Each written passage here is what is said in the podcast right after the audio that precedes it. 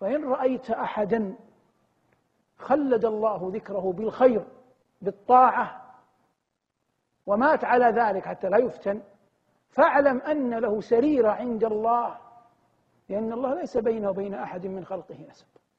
وإن رأيت أحدا عياذا بالله مخذول أيا كان حاله من حيث العموم لا من حيث القدح فيه تعرف أنه لا يهلك على الله إلا إلا هلك. لأن الله محال أن يظلم أحد.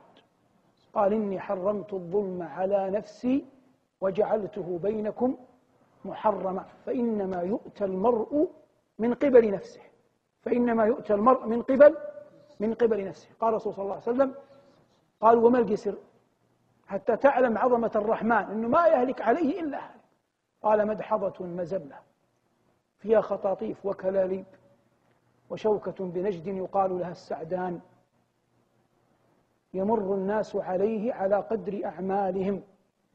منهم من يمر كالبر ومنهم من يمر كالريح ومنهم من يمر كأجاوذ الخيل ومنهم من يمشي مشيا ثم قسمهم.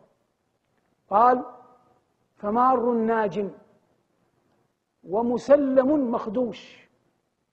يعني يسلم لكنه يخدش. ومكدوس على وجهه في نار جهنم. ثم قال حتى تصل إلى الذروة. قال فوالله ما أنتم بأعظم مناشدة من المؤمنين يومئذ لربهم في إخوانهم. يعني من سقط يأتي من نجا يشفع له عند الله. فيقولون ربنا إخواننا كانوا يصومون معنا ويصلون معنا ويحجون. فيقول الله ارجعوا. فمن وجدتموه في وجدتم في قلبه مثقال دينار من خير فأخرجوه. قال عليه الصلاة والسلام فيحرم الله صورهم على النار. ما معنى يحرم الله صورهم على النار؟ الذين يذهبون ليشفعون حتى يخرجوا حتى لا تلفحهم النار يصبح هيئة محرمة على النار. فيخرجون أقواما فيقولون أي رب ما أبقينا أحدا ممن أمرتنا به. يعني من أذنت به أخرجناه ما بقي أحد. فيقول الله ارجعوا فمن وجدتم في قلبه نصف دينار من إيمان فأخرجوه. فيخرجون أقواما قد امتحشوا فيقولون ربنا لم يبق أحد ممن أمرتنا به. فيقول الله ارجعوا فمن وجدتم في قلبه مثقال ذرة من إيمان فأخرجوه. قال أبو سعيد راوي الحديث إن الله لا يظلم مثقال ذرة. فيخرجون يقولون ربنا لم يبق أحد ممن أمرتنا به. فيقول الله عز وجل شفعت الملائكة شفع النبيون وشفع المؤمنون وبقيت شفاعة أرحم الراحمين. فيقبض جل وعلا على أقوام في النار قد امتحشوا ثم يلقون في نهر يقال له ماء الحياة. فينبتون كما تنبت الحبة في محيل السيل. ثم توضع على رقابهم الخواتيم ويقال هؤلاء عتقاء الرحمن أدخلهم الجنة. ويقول لهم ربهم انظروا فما رأيتموه فهو لكم. فيقولون ربنا لقد أعطيتنا ما لم تعط أحدا من العالمين.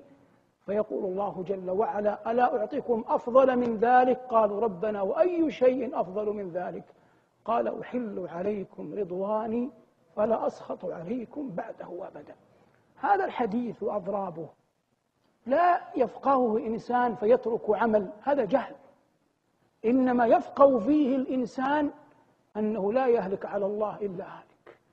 وأن ربا هذه رحمته وهذا فضله وهذا إحسانه لا يمكن أن يهلك أحد بعد هذه الرحمة إلا وفيه من الشر. ما الله جل وعلا به عليم. وما الجوارح إلا تبع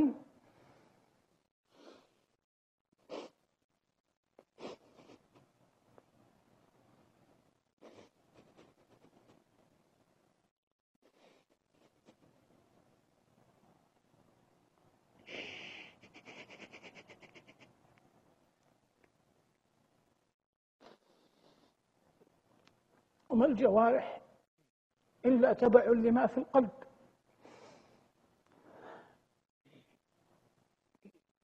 فمن خلصت لله تبارك وتعالى سريرته وسلمت نيته فليعلم أنه لا يمكن لأحد أن يكون أكرم من الله وأن الله يقبل على من أقبل عليه ويتوب على من تاب عليه ويرحم من فاء إليه.